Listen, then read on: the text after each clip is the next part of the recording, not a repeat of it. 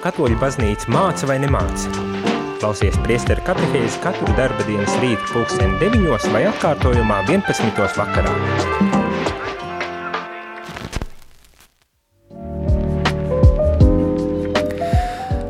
Labrīt, mīļie klausītāji, lai ir slavēts Jēzus Kristus. Tiekamies trešdienā, 14. septembrī, lai arī džinglā tika pieteikts, ka šī ir priestera katehēze, tad šoreiz sanāk tā, ka neviena priestera nebūs, jo priesteris Jānis ir devies uz Itāliju uz Radio Marija direktoru apmācībām, tāpēc vēlēsim viņam veiksmi un arī veltīsim noteikti arī kādu lūkšanu viņa nodomā. Bet eh, šeit pie mikrofona es Māris Veliks un tūlīt arī stādīšu priekšā arī šī raidījuma viesi, bet vēlos arī atgādināt, ka šajā nedēļā piedāvājam jums, mīļie klausītāji, īpašu katehēžu ciklu par aicinājumiem uz garīgo dzīvi.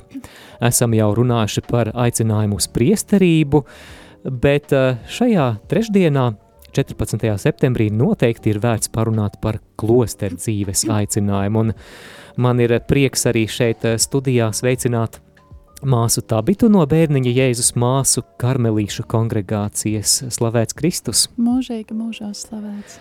Jā, atgādinu arī klausītājiem, ka šo raidījumu ir iespēja skatīties YouTube, video formātā, meklējiet Radio Marija Latvija kanālu.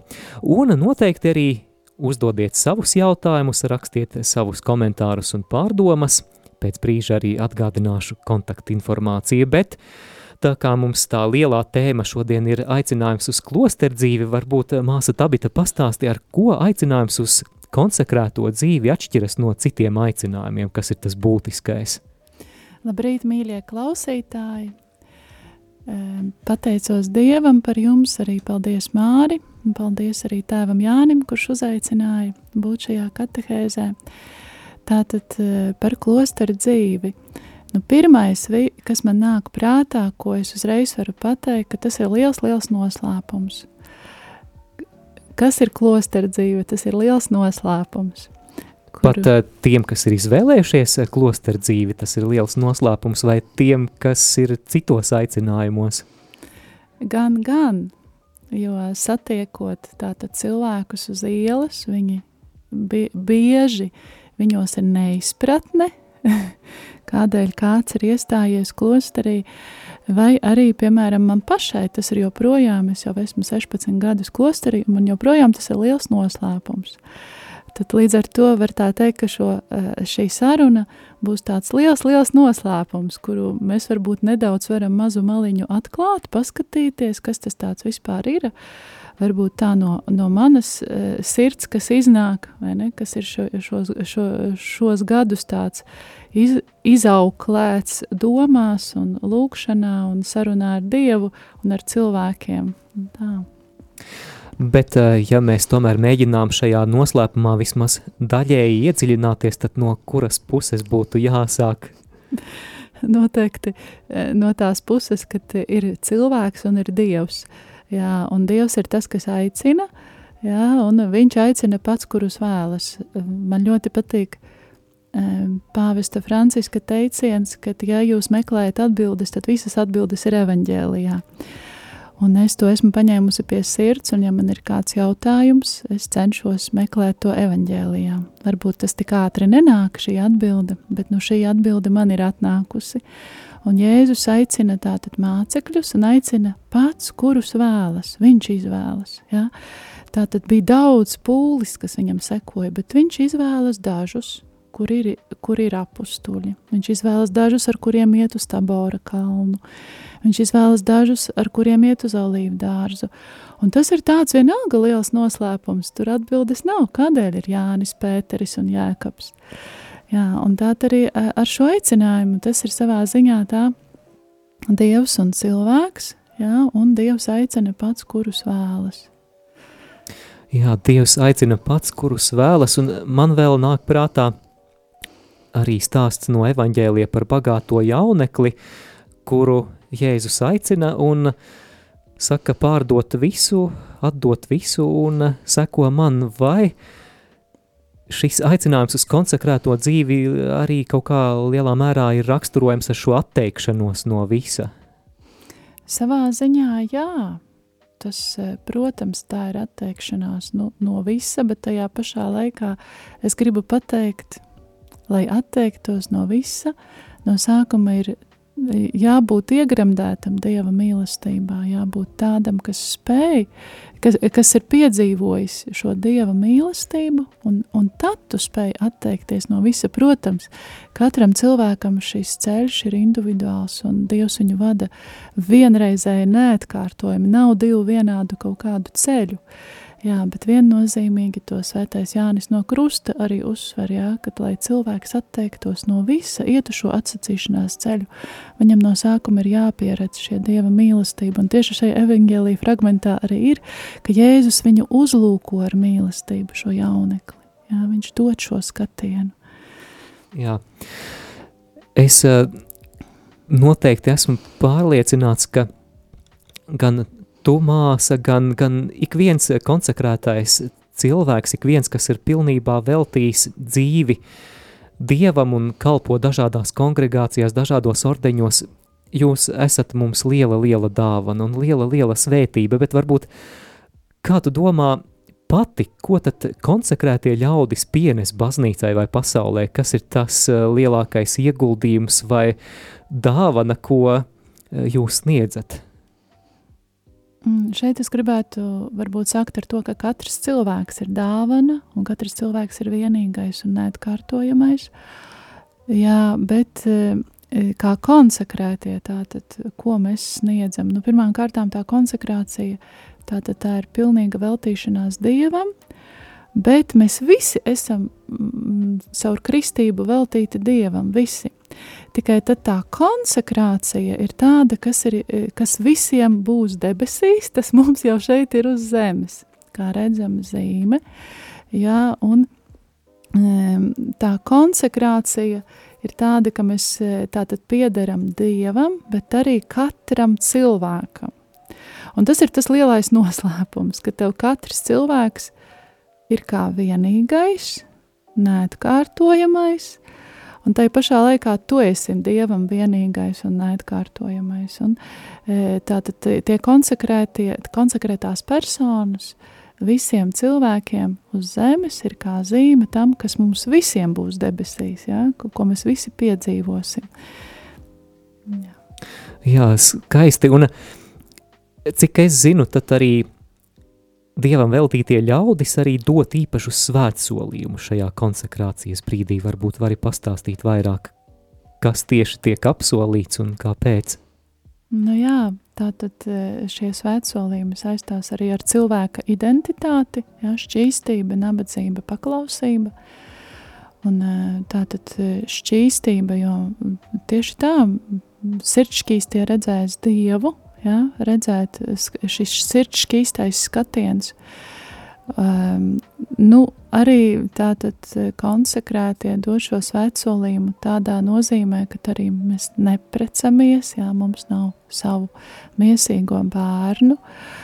Mm, tā ir tā atteikšanās, šis atteikšanās ceļš, jā, par ko mēs iesākumā runājām. Uh, bet e, nevis tāpēc, ka mēs kaut kādā ziņā laulību pasakām, ka nē, nu nevienam nav jāprecās. Nē, taisnība otrādāk tas ir tas, kas būs arī tur mūžībā. Jā. Ka mēs jau savā ziņā ar vienu kāju esam tur.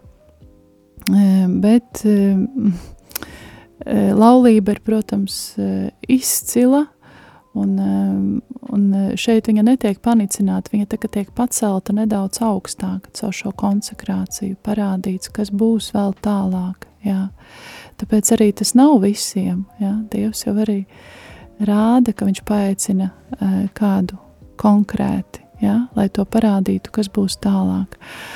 Nabadzība, tātad mums nekas nepiedara savs, jā, ir kaut kāds kopējais labums, ko mēs lietojam klosterī, un tur atkal atšķirībā no ordeņiem un kongregācijām, tur ir tā sīki izdalīts, kā mēs izdzīvojam šo nabadzību, bet vairāk iet runa par šo sirds nabadzību arī, jā, ne tikai par materiālo.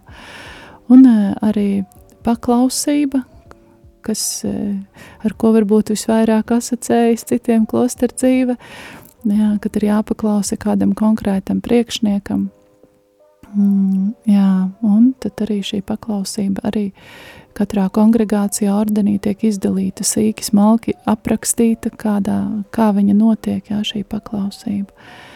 Jā, nu tā, šie trīs tādi svētsolījumi.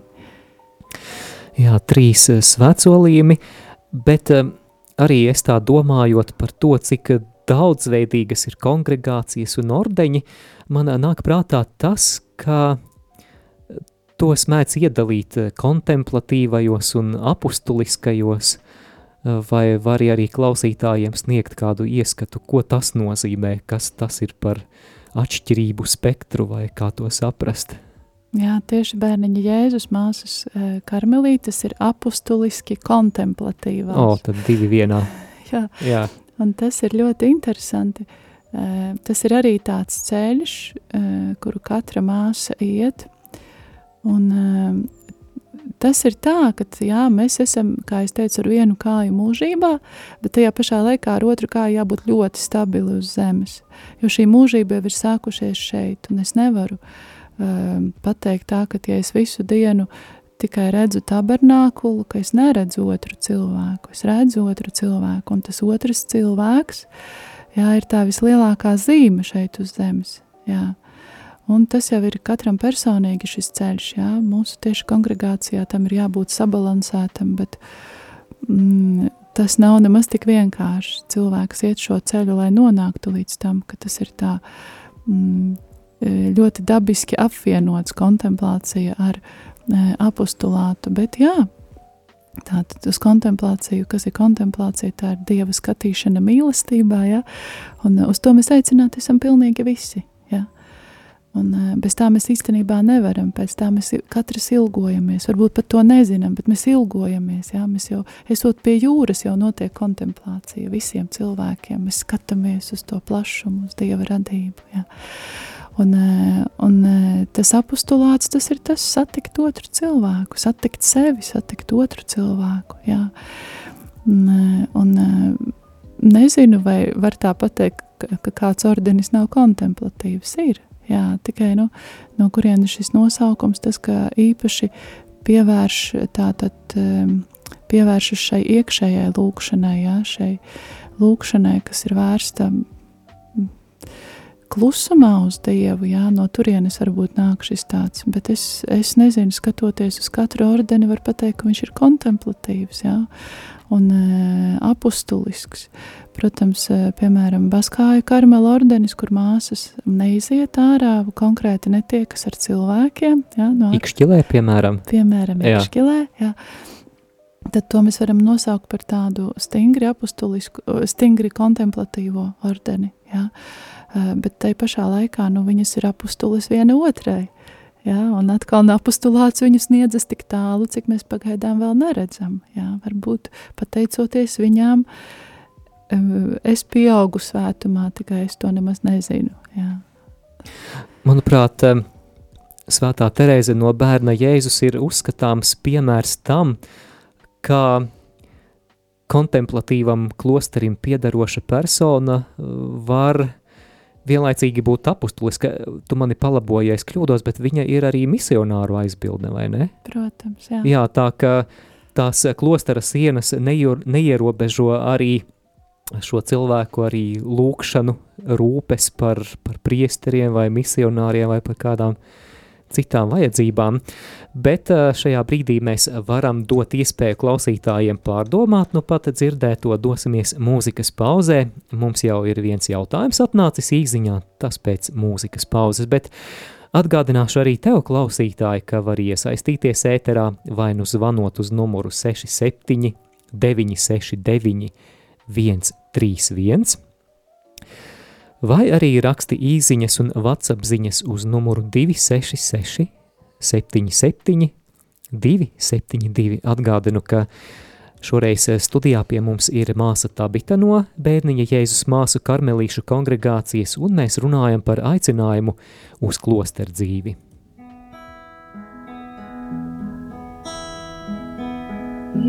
Ieklausies meitā, skat pavērs ausi, reiz aizmirsti par tautu, par savām tēvām mājām. Kungs vēlas tavu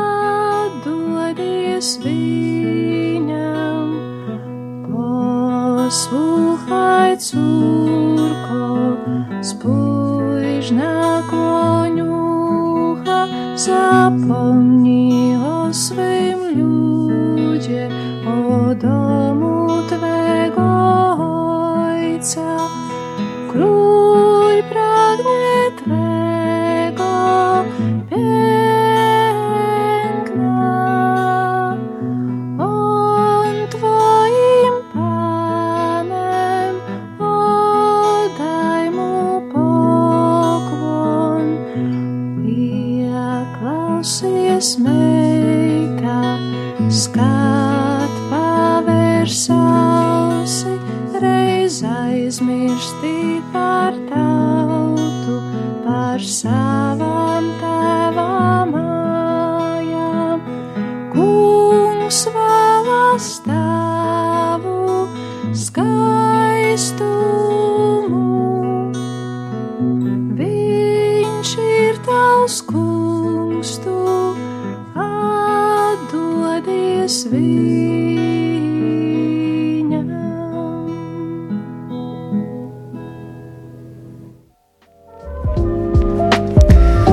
Esam atpakaļ ēterā, joprojām rīta katehēze, šeit pie mikrofona es Māris Veliks un arī māsa Tabita kopā ar mums, runājot par aicinājumu uz klosteru dzīvi.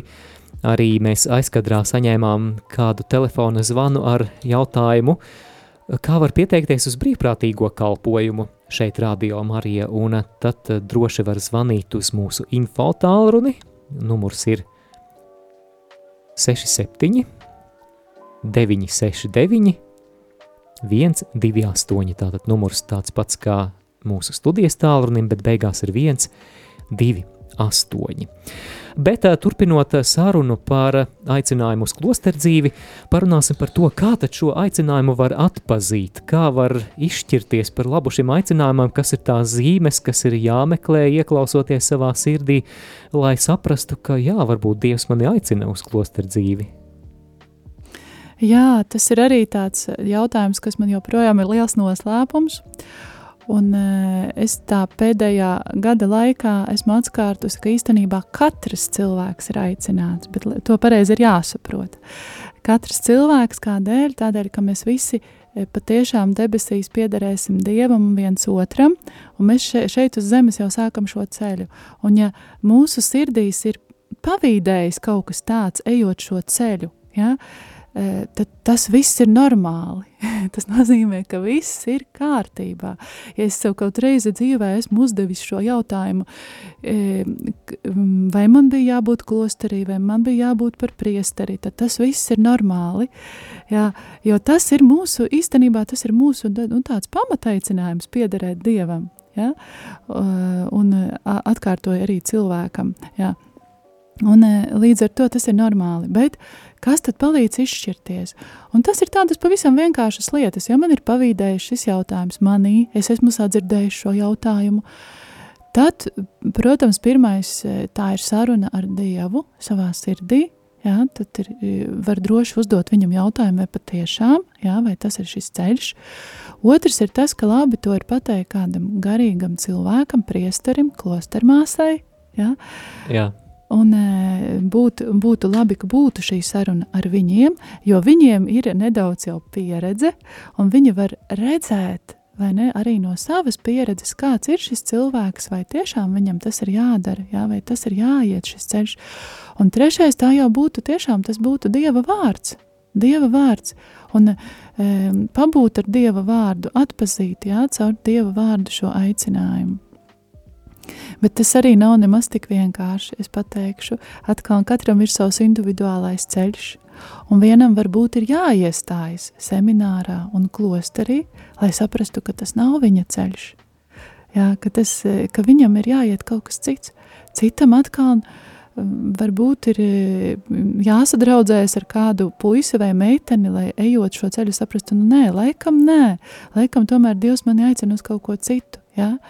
Un eh, tā var būt, ka mums katram šī meklēšana notiek pavisam dažādākos veidos, ja? jo mēs esam ļoti, ļoti dažādi. Jā, bet um, kā tu domā, vai, vai ir iespējams tāds brīdis, kad, kad tu esi pilnīgi, pilnīgi simtprocentīgi pārliecināts, nu, neviena, neviena šaubu momentiņa, vai, vai tomēr arī šaubas ir normāla sastāvdaļa no garīgās dzīves?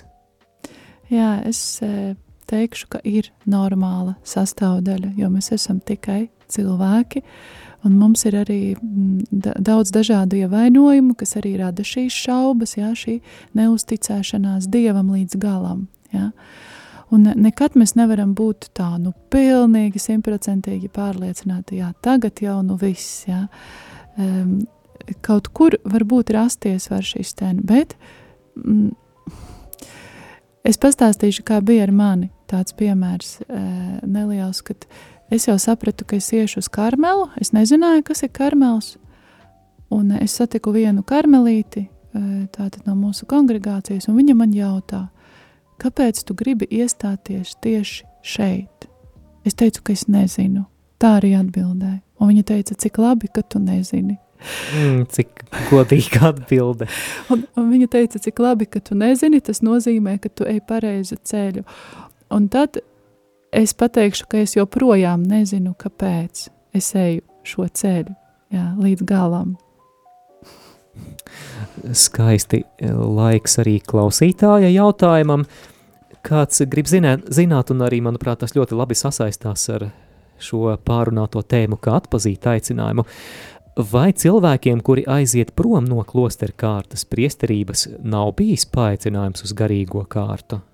Nu, tas ir tas, ko es ievadā teicu. Manuprāt, visi ir aicināti. Jā, tātad eh, viņiem ir noteikti bijis aicinājums. Jā, tātad sirds dziļumos mēs, mums katram ir šis aicinājums. Tikai ar to izpildi jā, ir mums ļoti dažādi. Jā. Ir bijis aicinājums, protams varbūt šim cilvēkam pietrūka kaut kādas tādas uh, atbalsta rokas, lai uzreiz to atpazītu, pirms viņš saka jā, to galīgo atbildi. Un atkal par šo galīgo jā, es gribu turpināt, ka tas nav tik vienkārši. Šis, šī atbilde jā, kas ir pateikta mūžīgos svētsolījumos vai arī mm, priesterim esot pie altāra ordinēšanas brīdī, uh, tas šis jā nav tā, ka tas ir tikai vienas dienas e, teiktais, mm. jā, jā, tas ir, viņš ir dažreiz pat dienā, tad, kad pienāk grūtāki brīži, viņš ir jāpasaka simts reizes, un tas ir daudz, daudz grūtāk, jā, nekā tad, kad tu esi pie altāra un viss ir ar ziediem, un baznīca ir skaisti izpušķot, jā, nu, tas ir tas tāpat kā laulībā, jā, kad uh, laulātie vienreiz pasaka, jā, bet šis jāiziet cauri dzīvei. Jā. Cik skaista doma. Šis jāpatur noteikti prātā, bet uh, vēl mums Anna arī raksta slavēts Jēzus. Paldies, caur jums māsa Tabita kungs atbildēja un mierināja. Lūk, arī šāda pateicība. Uh, Tu jau minēji pirms brīža, ka klosterī esi 16 gadus. Jā, jā? Jā. jā tad, tad noteikti arī vari arī raksturot, kā tas ir, nozīm, kā tas ir dzīvot klosteru dzīvi pēc vairākiem gadiem. Vai nav tā, ka sākumā ir tas medus mēnesis nosacīti sakot, bet vēlāk cauri dažādiem posmiem ir jāaiziet? Jā, Tas ir tāds arī ļoti labs jautājums, un es e, nesen izlasīju viena um, dominikāņu tēva, kurš ir bijis ļoti daudziem uh, jauniem dominikāņiem, tāds, kas ievadījis viņus garīgajā dzīvē, tādu izteicienu.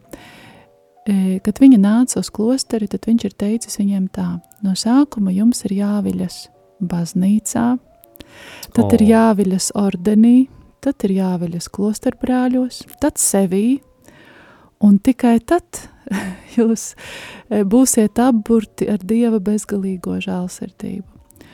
Un šajā brīdī es varu pateikt, ka tas ir ļoti grūts ceļš, bet tas ir, jā, tas ir tas, kas ir man. Jā, šī vilšanās ir kaut kur notikusi, jā, dažādos līmeņos, un tad palie, paliec tu ar pilnīgi tukšām rokām, esi tādā nabadzībā, un tad tu vari cerēt tikai vienīgi uz viņu un ar viņu, jā, un tikai Dievs tur paliek. Un tad iesākumā par tiem medus mēnešiem katram varbūt ir savādāk. kā tas medus mēnesis izskatās, tāpat kā laulībā, viens dodas garā ceļojumā, citam pietiek vienkārši sēda, sē, sēžot mājās, baudīt šo mirkli. Um, tātad katram tas ir savādāk, um, bet viennozīmīgi, kad, jo vismaz manā gadījumā, jo, tu, jo ilgāk esi, jo vairāk tas ir noslēpums, un jo vairāk tu paliec nabadzīgāks pret to visu. Vai ir vēl kādi izaicinājumi ejot šo ceļu vai kādas grūtības? Nu, varbūt tā kā visos aicinājumos es teikšu, ka tu sev uzdod ik pa laikam atkal jautājumu, vai tiešām šī ir tava vieta, jā, vai tas ir tiešām tavs, ko tu ej. Um, ta, tas ir tas,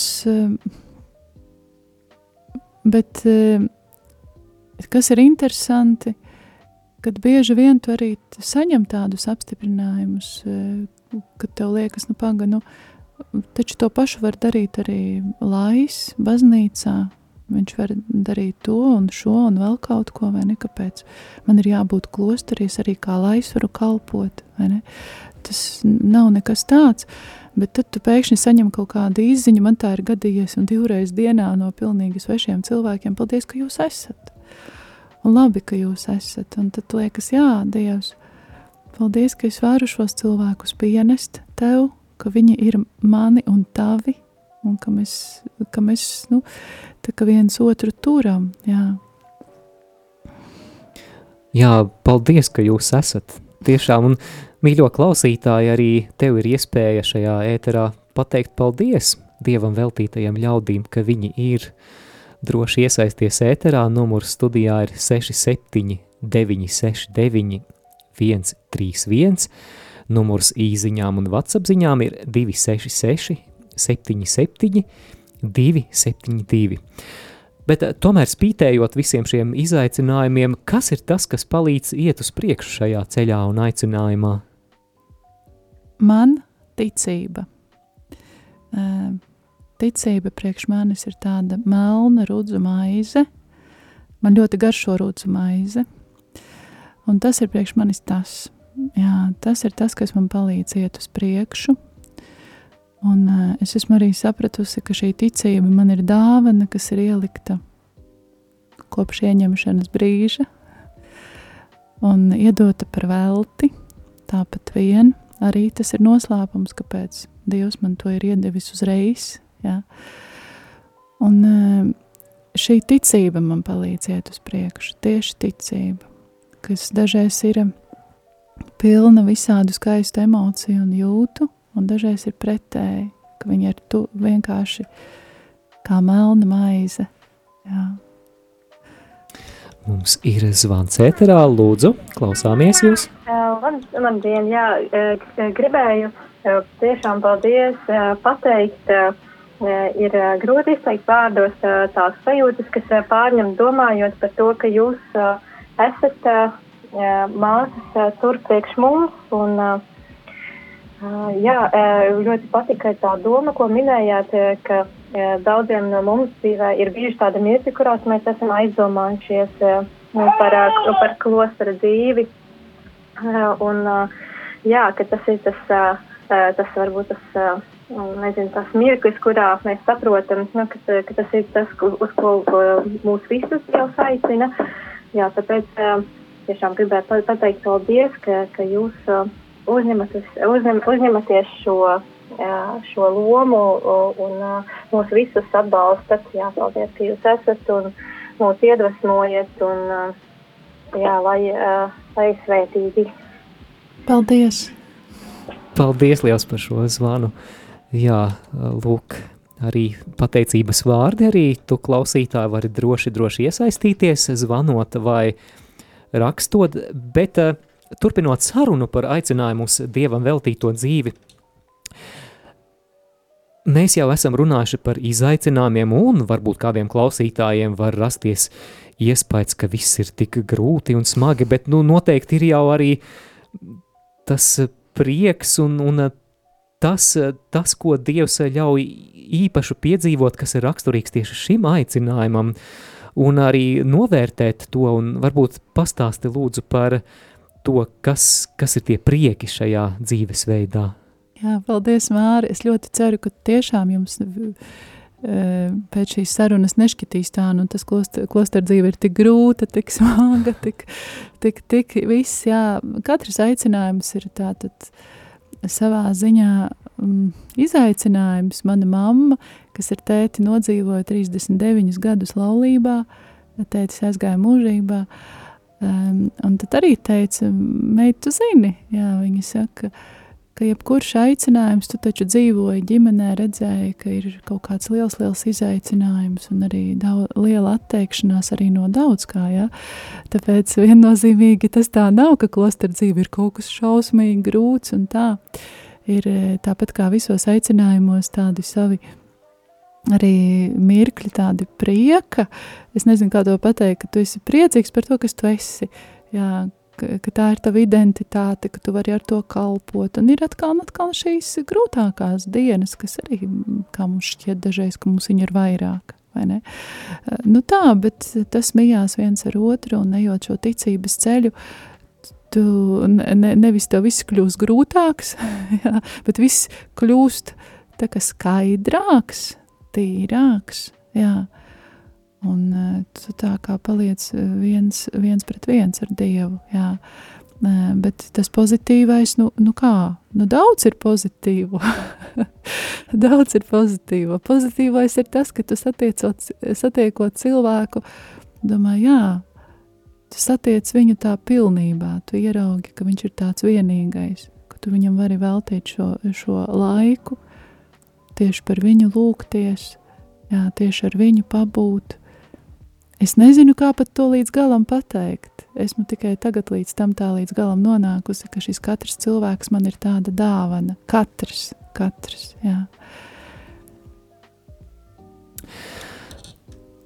Man uh, nav zināma statistika par to, kā šobrīd uh, cilvēki stājas vai nestājas klosteros, bet uh, kopumā rodas iespējas par to, ka aicinājums uz klosteru dzīvi, ja tā var teikt, ir bijis populārāks kaut kad agrāk. Kā tev šķiet, vai ir nākotne aicinājumam uz klosteru dzīvi? Nākotne vienmēr ir tādēļ, ka ir Dievs, eh, un ir mūsu sirdī šīs ilgas pēc viņa katrā, bet jā, jā, es apstiprinu, ka tā arī ir. Tagad šo aicinājumu ir daudz, daudz mazāk tieši Eiropas valstīs, ja runa par Āfriku, tad tur tas pieaugums ir ļoti liels, Āzijas mm. valstīm. Um, tas jau viss saistās ar mums, ar mūsu ticību, Eiropas, ar mūsu katra ticību. Uh, ļoti, uh, varbūt tie, kas atcerās 90. gadus, jā, tad arī tiešām var pateikt uh, atšķirību, jā, cik ļoti tiešām daudz vairāk cilvēki stājās klosteros, jā, ilgojās un realizēja, un kaut kā bija tie piepildīti, bet atkal tagad ir tas attīrīšanās laiks, kad cilvēks grib saprast līdz galam, kas tas ir. Bet ne tikai, redzēt, šeit ir ļoti daudz aspektu, kurus mēs varam apskatīt. Arī katram ordenim un kongregācijai ir jāaiziet šis šķīstīšanās ceļš, jāsaprot, kas ir būtiskais, jā, kas ir būtiskais, pie kā palikt, ko atstāt, kā iet. Jā. Tas ir tā, jā. Bet vai var kaut ko darīt, lai veicinātu aicinājumus vai atbalstītu tos? Jā, labs jautājums. Es īsti nezinu, ko var darīt. Es varu lūgt Dievu, lai viņš aicina, un lai šis cilvēks, kur aicina, viņš pats atbild. Pats atbild, un lai arī saņem šo ticību, iet šo ceļu. Tas ir viens, ko es varu darīt no savas puses. Protams, e, arī piemērs ir svarīgs otra cilvēka, bet kā es teikšu, ka pienāk brīdis, kad tu vilies gandrīz visos cilvēkos. Ja, un arī sevi. Un tad ir, tad ir tā, ka tu saproti, ka visi mēs esam cilvēki. Jā. Tā. Šoreiz katehēze mums būs mazliet īsāka, jau drīz arī pienācis laiks šo raidījumu noslēgt, bet uh, Māsa Tabita, ko tu ieteiktu cilvēkam, kurš šobrīd tevi klausās, kurš domā par šo aicinājumu, bet nezina, kādus soļus spērt? Ko tu ieteiktu? Es ieteiktu ieklausīties sevī, nebaidīties, būt drosmīgam, spērt kādu soli vai kādu sarunu ar garīgo personu, vai arī tiešām sarunu personīgo ar Dievu. Jā. Un uh, Dievs jau dzird mūsu katru, jā. nebaidīties spērt šo soli. Un pēc tam nebaidīties arī no tā, ja sanāks citādāk nekā bija ieplānojis. Hmm. Ļauties. Jā. Bet kā, kā īsti izvēlēties īsto ordeni vai kongregāciju? Hmm. Piedāvājums diezgan liels. Ar sirdi. Ar sirdi. Jā. Vai tur var palīdzēt, piemēram, padzīvošana kādā Protams, ordenī, jā. klosterī? Jā, jā mm. ir labi iepazīt vairākus, bet dažreiz pietiek iepazīt tikai vienu un saprast, ka tas ir tas īstais. Jā. Tā, un mums ir arī vēl viens jautājums, tad šis arī būs noslēdzošais jautājums. Kāds klausītājs raksta, lai ir slavēts Jēzus Kristus. Gribēju pajautāt, klostermāsas, klostermāsa man ir teikusi vai pat ieteikusi, tā, tā te nav viegli izlasīt, tā, mhm, mm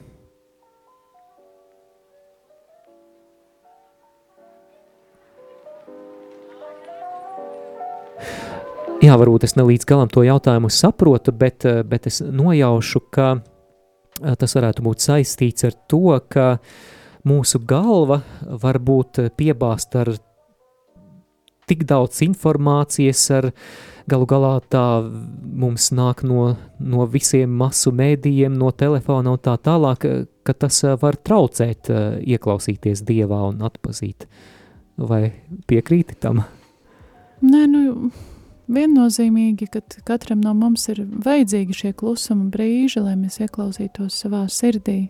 Jā, viennozīmīgi katram. Jā. Bet telefons var palīdzēt, arī var palīdzēt.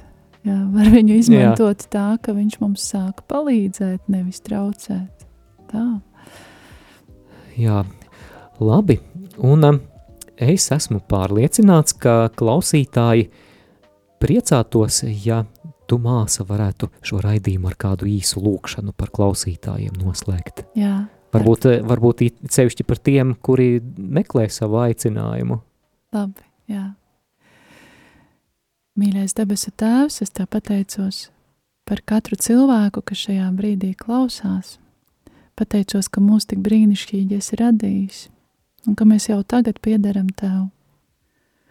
Un es lūdzu pieskaries to sirdīm, kas ir domājuši par šo aicinājumu, kas tagad, eh, kurus varbūt tagad tā īpaši uzrunā, ir aktualizējusies pēc šīs katehēzes, šī doma par aicinājumu.